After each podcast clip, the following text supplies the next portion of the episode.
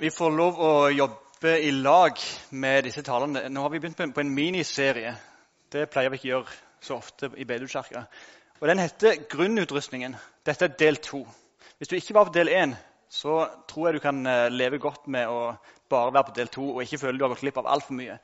Hvis du vil høre den, så er den på podkast på bedehuskirken.no. Og Grunnutrustningen det er jo noe som mange av dere sikkert kjenner mye bedre til enn meg. Dere som har vært i militæret. Jeg var aldri i militæret. Jeg var militærnekter. Jeg hadde en tanke om at å følge Jesus det, var, det betydde å ikke røre et våpen. Uansett grunn, uansett om krigen kom. Så gru det var noe som jeg ikke visste om før Jarle og Kent fortalte meg om det når vi begynte å planlegge disse, denne serien. Jeg har aldri hatt en gru. Jeg har aldri kjent behov for en gru. Jeg har tenkt at jeg har klart meg ganske godt uten. Jeg har heller aldri vært i krig. Så jeg, jeg tenker at jeg er grei og snill. Det, ting fungerer godt uten denne grunnutrustningen. Og det ble enda tydeligere for meg når jeg aldri hadde hørt om den. Og Hadde det kommet krig, så ville jeg kanskje kjent på at jeg mangla et eller annet vesentlig for å klare meg. Kanskje jeg hadde levd på noen andre sin grunnutrustning. Og Sånn tror jeg mange har det i forhold til den grunnutrustningen som Bibelen snakker om at vi skal få ha. Bibelen forklarer en, en pakke, en ryggsekk, en grunnutrustning eller et fundament som er for alle kristne. Som er likt uansett hvilken tjeneste du har. Uansett hvilken rolle du har i menigheten, i livet, som en kristen. Så får du en grunnpakke som du trenger for å leve. Ikke bare når du er i krig, men for livet. Og Når Bibelen snakker om en grunnutrustning, så må det være viktig. Det som er enda viktigere enn alt det andre. For, for, det er veldig mye viktig, men noe er enda viktigere enn alt det andre. Og I overgangen mellom kapittel 5 og kapittel 6 i Hebreabrevet så blir det beskrevet noe som er barnelærdom. Det første vi lærte, skriver forfatteren. En grunnvoll som vi trenger å ha på plass for å leve. Og Forfatteren skriver «E-, etter så lang tid så burde dere sjøl vært lærere. Men dere trenger noen som på nytt kan lære dere det første og grunnleggende i Guds ord. Og Ken snakka sist om startpunktet for en kristen, som handler om å omvende seg, snu seg rundt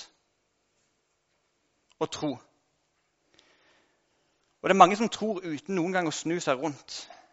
En som heter Dietrich Bonhoeffer, en tysk prest. Han beskriver tilgivelse uten omvendelse som billig nåde. Og han sier, han sier at nåden den er gratis, men han er langt ifra billig. For han koster Jesus livet. Koster Jesus alt. Det er dyrkjøpt nåde. Og Jesus han vil ikke ha noe mindre enn hele oss. Så det er fantastisk nåde, men det er dyr nåde. Men han er gratis. Og Det handler aldri om å gjøre seg fortjent til, men det handler om å slippe det vi har i hendene, og la Jesus fylle de med seg, med hele seg. Så Hebreerne 6, vers 1 og 2 sier det første vi lærte om Kristus, grunnvollen, omvendelse fra døde gjerninger, tro på Gud, undervisning om renselsesbad og håndspåleggelse. Det er de to tingene vi skal dekke i dag. Undervisning om renselsesbad og håndspåleggelse. Og Neste gang om fire uker skal vi snakke om de dødes oppstandelse og evigdom. Det blir bra og inspirerende. Og Der skal Jarle ta oss videre. Vi skal snakke om eh, renselsesbad, håndspåleggelse.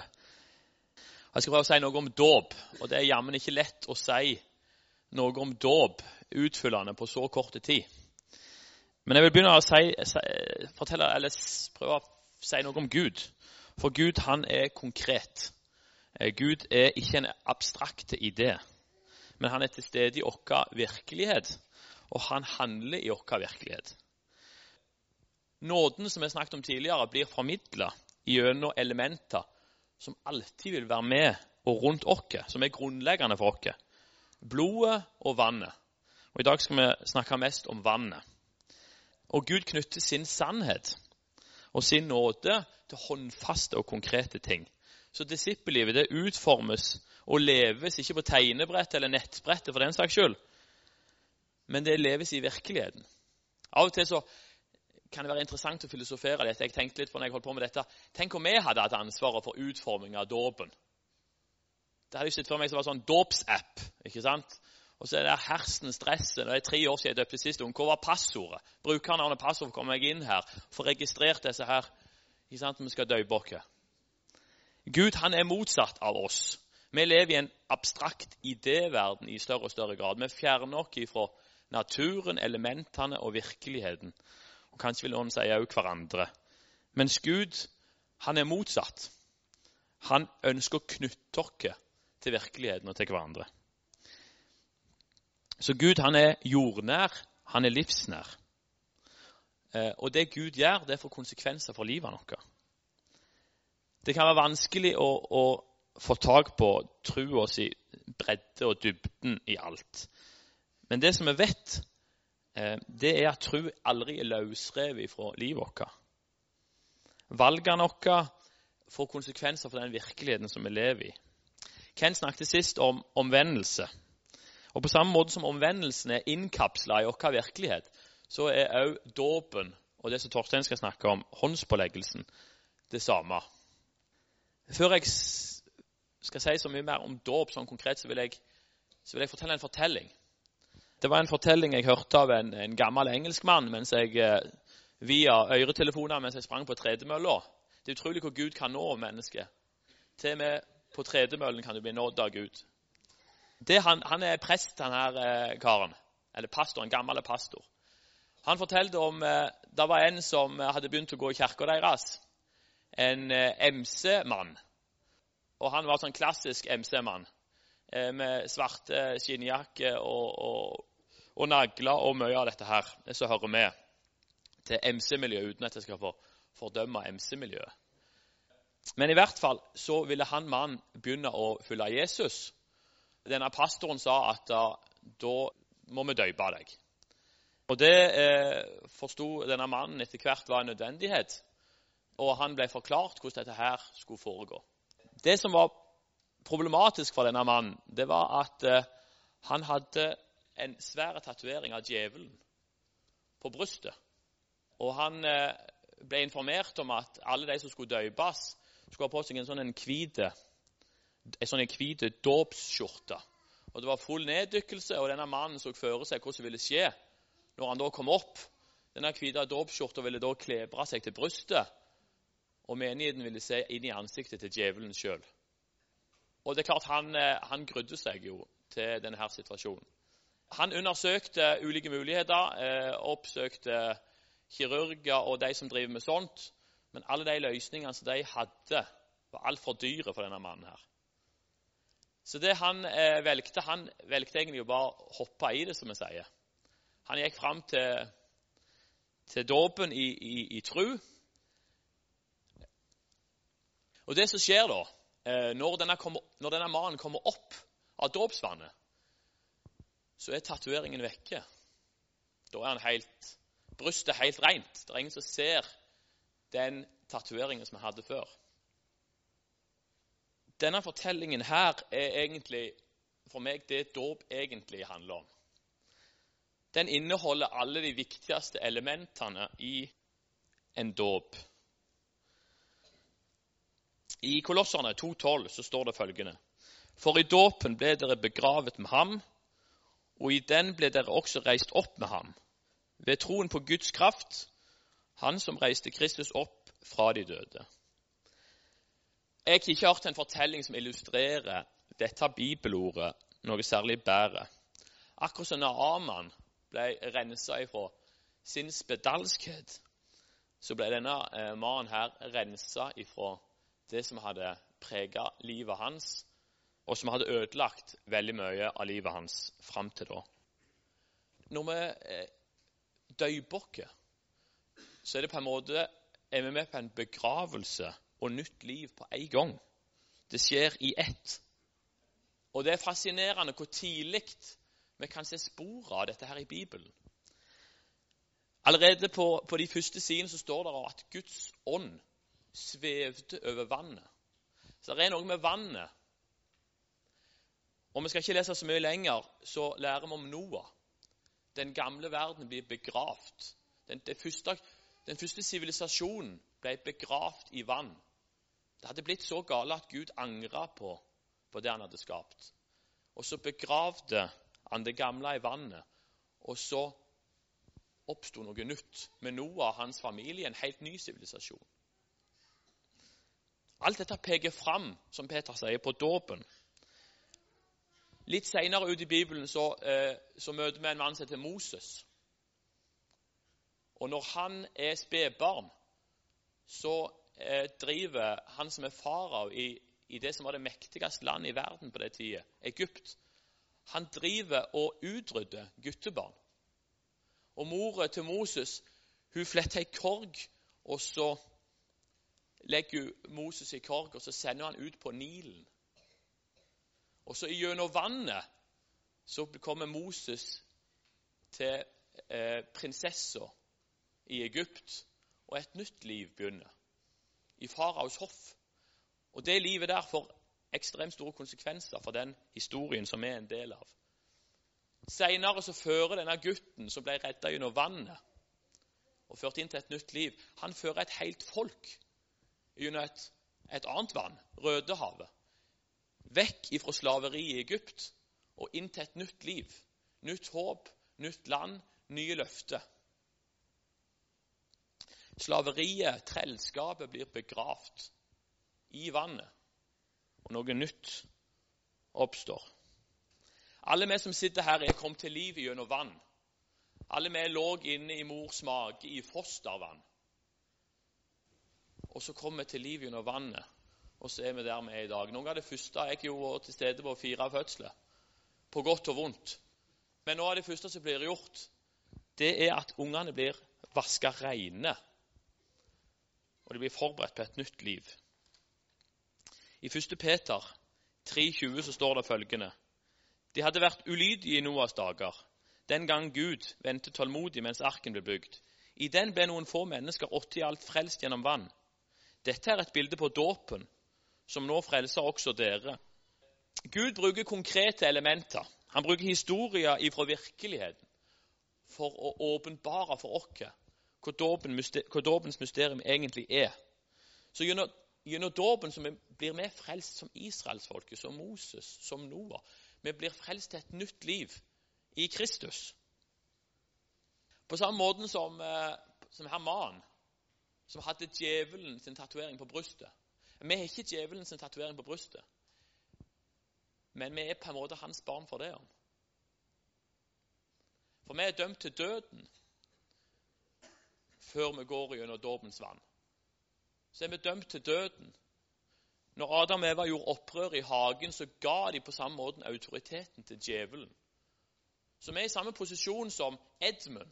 Hvis dere sitter drømmen om Narnia, Det er en av de beste bildene jeg kommer på. i den forbindelse. Han er skifta side til heksa hvit. Han spiste av geléfruktene. Og Derfor kan heksa hvit komme med Edmund og si at han er min. Og det er han faktisk òg. Aslan kan ikke gjøre noe. Aslan må dø på steinbordet først, før Edmund er rettferdige. Og i dåpen så er det akkurat det som vi får erfare. For vi er gjort rettferdige. Og vår tilhørighet er ikke lenger hos djevelen, men hos Jesus. Vi blir Guds barn, vi blir en del av de hellige.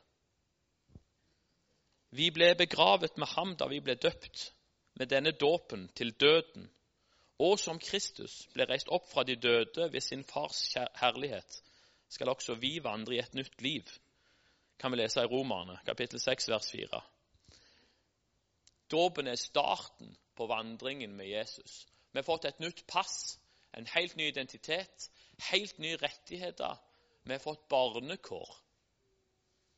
I den teksten som jeg holder på med i Hebreabrevet, så står dåpen omtalt som et renselsesbad. Venn om, forkynner døyperen Johannes, og mange blir døpt til omvendelse. Når vi blir døpt, så blir vi vaska reine. Fordi Jesus allerede er dødd for syndene våre. Det er derfor kanskje den hvite drakta, dåpskjolen eller kjortelen eller hva enn vi måtte bruke, den representerer det som skjer, på en så god måte, for det er helt hvitt.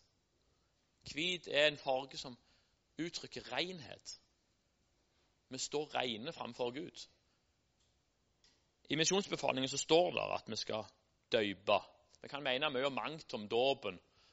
Og Dåpen er kanskje det som er splitta flest menigheter. Mange kanskje tenker på dåpen og forbinder det med både krangling og har sår i den forbindelse. Men det vi vet, det er at Jesus befaler oss å døype. Og Så kan vi snakke mye om hvordan dette skal skje, og når og alt dette her. Men 15 minutter er på langt nær tilstrekkelig til å gå inn på det en gang. Det vi kan si, er at dåpen er en nødvendig del av grunnutrustningen. Det er portalen inn i det nye livet. Så kan vi undre oss og glede oss over det som skjer i det mysteriet der. Mange vil innvende at dåpen på mange måter er blitt utvanna i vår vestlige kristenhet. Og Det kan det selvsagt være mye sant i. Mange sier at dåpen er blitt ei hvilepute. Jeg tror ikke obligatorisk massedåp var det Gud løsrevet ifra tro og overbevisning, var egentlig det Gud hadde sitt føre seg. Men dette må aldri få oss til å redusere dåpen. Det må aldri få oss til å neglisjere den, til å ta lett på den og til å resignere i forhold til det. Uansett hva vi mennesker måtte gjøre med dåpen Vi kan misbruke dåpen, vi kan gjøre mye forskjellig. Men det er Gud som innstifter den. Og dåpen vil aldri miste sin kraft, uansett hva vi mener eller gjør med den. For det er Gud som handler i dåpen, og Gud er allmektig. Så når vi snakket om omvendelse, tro, dåp, og så kommer håndspåleggelse Så de fire første tingene vi trenger i den ryggsekken vår som heter livet Vi vet at omvendelse er viktig. Vi trenger å snu oss rundt til Jesus. Vi vet at tro er viktig. Jeg trenger ikke overbevise dere om det. Vi vet at dåp er viktig. Men håndspåleggelse, hen i all verden kommer det inn? Hva betyr dette? Hvorfor er håndspåleggelse en grunnleggende ting? Det var det første jeg tenkte når jeg leste dette. Og jeg tenkte Det må vel finnes andre ting som kunne vært istedenfor håndspåleggelse, som er mye viktigere. F.eks. bønn, Bibel, broderfellesskap, brødsbrytelse. Ingenting av det er nevnt i grunnutrustningen, men håndspåleggelse. Og er dette, Hvorfor er dette så viktig? Hvorfor snakker forfatteren som om håndspåleggelse er barnelærdom? Så Ironien i dette er at vi måtte slå opp i Bibelen og søke og finne ut hva er det Bibelen egentlig snakker om, for at vi skulle vite hva vi skulle si om det som er barnelærdom. Så lite vet vi. Så det er med rette at noen har sagt Jødene forstår alt utenom poenget. Vi forstår poenget, men ingenting annet. For vi har fått tak i Jesus. Så jeg begynte å slå opp i, i Nytestamentet i forhold til håndspåleggelse. Hva er det Nytestamentet egentlig sier om, om dette? De fleste av oss har hørt at Jesus la hendene på de syke, og de ble helbreda. Så Det er nok den vi kjenner best til. Lukas 4,40 sier han la hendene på hver enkelt av dem og helbreda dem. Så det virker som om måten Jesus helbreda folk først og fremst var, til og med i store folkemasser, legge hendene på hver enkelt av dem og helbrede dem. En allmektig Gud som har blitt menneske, valgte å gjøre det sånn. Fascinerende. Og Et av tegnene på de som tror i Markus, skulle være at vi skulle legge hendene på syke, og de skulle bli friske. En annen eh, ting som eh, håndspåleggelse ble brukt til i Nytestamentet, var når eh, folk ville føre småbarna til Jesus for at han skulle velsigne dem. Disiplene ville, vise dem vekk, men Jesus sa la dem, komme til meg. Ikke hindre dem, for Guds rike hører sånne, sånne til. Så la han hendene på dem og velsigna dem. En annen ting som ble brukt til, var når folk ble innviet til tjeneste. Da husker jeg kanskje at I den første kristne menigheten så ble det splid mellom jødene og hedningene om matutdelingen. Det var problem der òg. Og så kom de ikke til enighet. Så så, bestemte de eldste seg for at okay, vi må velge ut noen gode folk som tar seg av dette. Noen som har tillit til, tillit til folket, noen som, som, har visdom. Og så valgte de ut de beste folka til å ta seg av utdelinga av maten til de første kristne. Og så la de hendene på dem og ba for dem. Og velsigna dem, sendte de ut til tjeneste. En annen ting er utsendelse. Det står i Apostelens gjerninger 13 at de sendte ut Barnabas og Saulus. Og så står det etter faste og bønn så la de hendene på dem og lot de reise. I 2. Timoteus brev så, så virker det som at eh, det, det, ble gitt nådegaver gjennom håndspåleggelse. At Gud ga nådegaver gjennom håndspåleggelse. Paulus sier, 'La Guds nådegave i deg flamme opp på nytt.'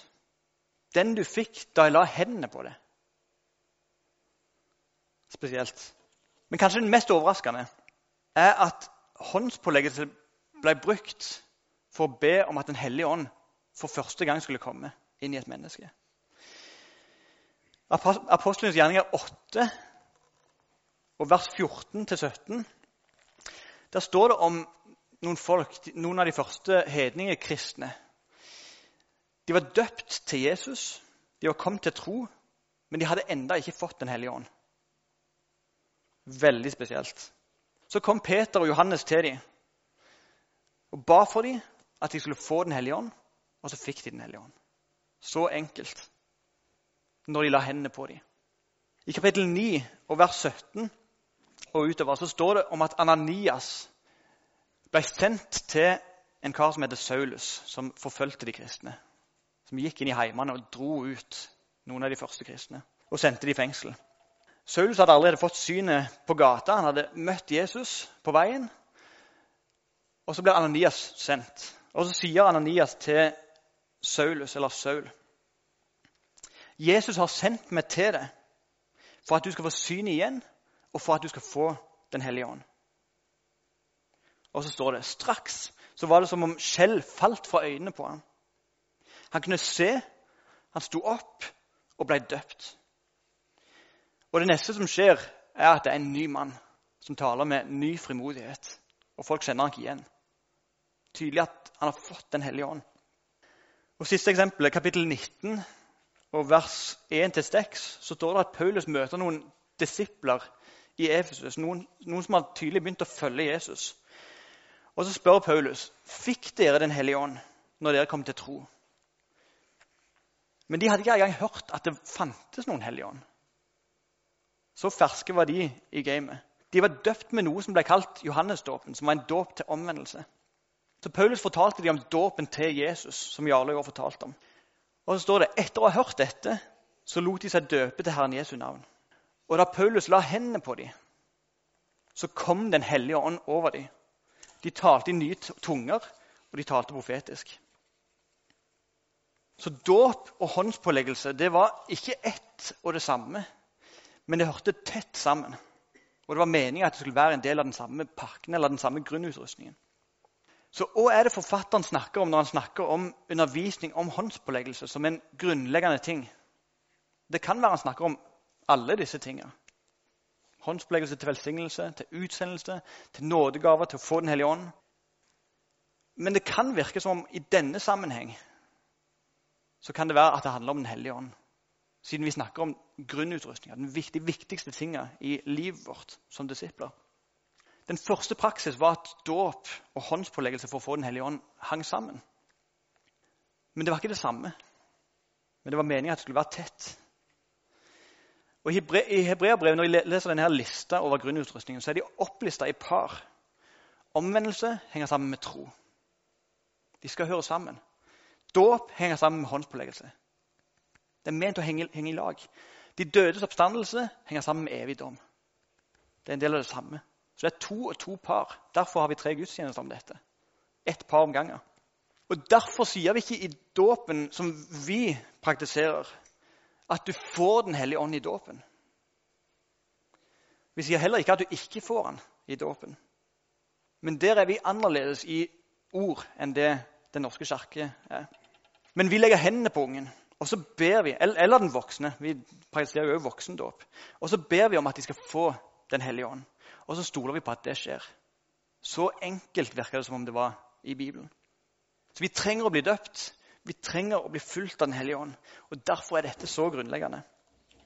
Så hva er det med håndspåleggelse? Hvorfor er dette så viktig? Hvorfor er den fysiske handlingen så enormt viktig? Hvorfor kunne ikke Gud gjort seg uavhengig av å måtte legge hendene på? Hvorfor måtte vi ta på hverandre? Vi er jo glade i avstand i Norge, iallfall på Jæren. Hvorfor måtte vi komme så nærme at vi tok på hverandre? Hvorfor legge hendene på når vi ber om helbredelse? Hvorfor er det ikke nok å be? Det hadde passet så mye bedre i vår norske kultur, der vi er redde for kroppskontakt og trenger litt sånn avstand.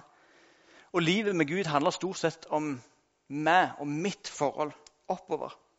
Og helst ingen andre.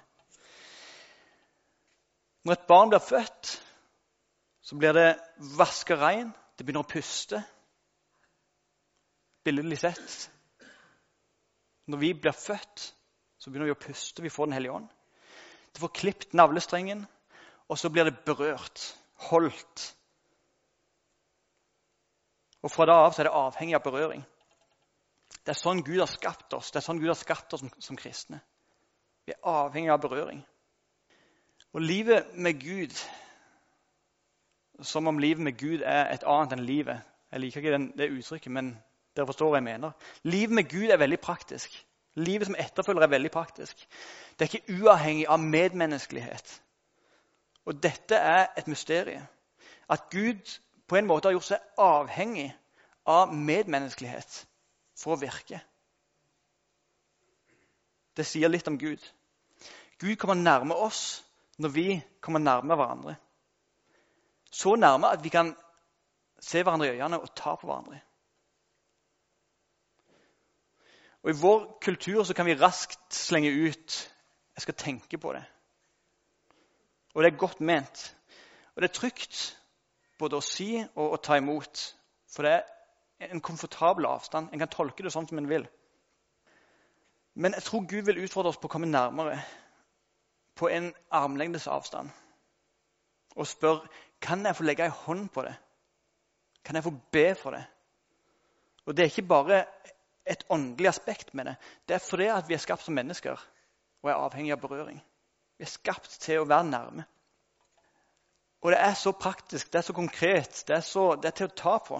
Vi er døpt i vann, noe så konkret som vann. Vi får Den hellige ånd gjennom å legge hender på. Vi tar imot Jesus gjennom brød og vin. Det er et mønster det går igjen. Så nært, så naturlig, så fysisk. Da kommer Gud, og så fyller han det med liv. Jeg har spurt David om å dele et bilde som han har hatt ganske lenge. Jeg skal prøve på norsk. Um, det var rundt to og et halvt år siden Gud begynte å snakke med meg om det han skal gjøre med kirka her. Og han minnet meg om uh, et hus som uh, huset til en kompis til meg i England. Og Min kompis uh, vokste opp i huset, og det var bare én etasje. Så han reiste til en annen by og gå i universitet. Og så blitt gift, kom tilbake, og så de planlagt å bo en plass i Sheffield og så ha et barn. Så de, planen var å bygge en ny etasje på huset og så dele det i to, i to. Så hans foreldre skal bo i en del, og han og hans kone og nye baby skal bo i det andre. Og så Oh, building company. Bygningsfirma. Byggeselskap.